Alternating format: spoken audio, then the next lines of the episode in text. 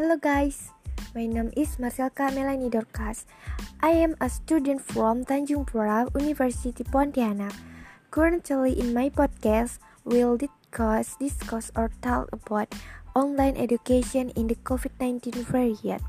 The COVID-19 pandemic that has hit the world for the past six months has had an impact on things in teaching and learning activity this country is not exhibition. Science mid-March, online learning activity have become an opinion for the Ministry of Education and Culture to prevent the spread of the COVID-19 virus from spreading. The practice of online education or online learning is carried out by various levels of education from elementary, junior high, high school to college levels there are no longer learning activities activities in classroom as is commonly done by educators, teachers and leaders the right step but without adequate preparation. As a result, many educators tutors in facing this drastic change. Meanwhile, uh, there is practically no other way to minimize the spread of COVID-19 other than by limiting human encounters in larger numbers. The government also limits meetings uh, to a maximum of 30 to 40 people. Even then, with a very strict healthy protocol, use a mask and maintain a minimum distancing of 1.5 meters. Wash your hands with soap.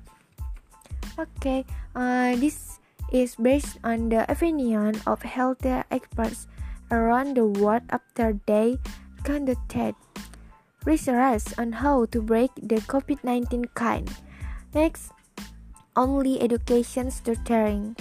The school arena is a teaching and learning space between students and teachers student and literatures was ultimately prohibited. Instead, namely only learning. This very fast change without being accompanied by adequate preparation beforehand. As a result, many, stu- many started to face it. This was also acknowledged by the minister of Education and Culture Nadiem Makarim. Nadiem argued, we must be honest that the process of adapting to online learning is also very difficult. At least there is the learning going on rather than no learning at all. A sole statement rather than a quick step to prepare the infrastructure. Unfortunately, until entering the new academic year, there has not been any revolutionary moment, movement from the Ministry of Education and Culture of his line ministries in preparing online learning facilities.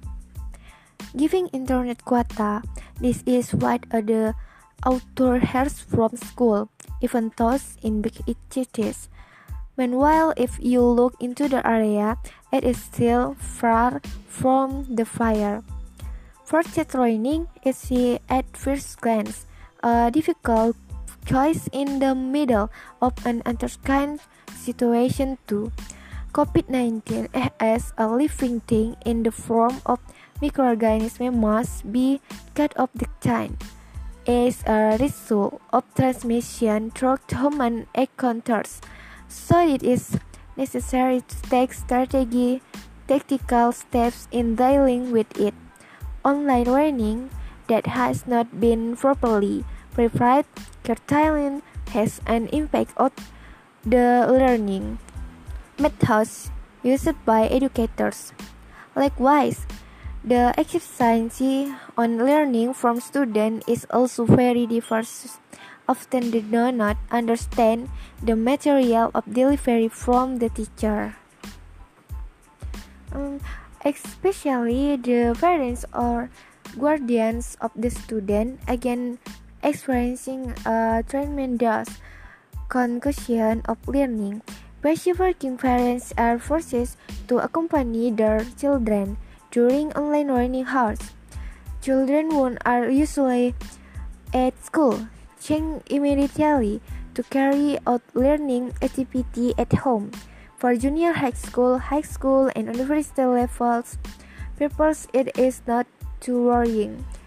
However, for elementary and even junior high school levels, not a few parents of students complain about this online learning.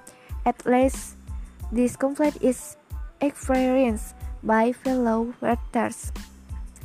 Uh, well, I think that's enough of our talk for now, and I hope all, and I hope all of you can listen to this podcast and find it useful.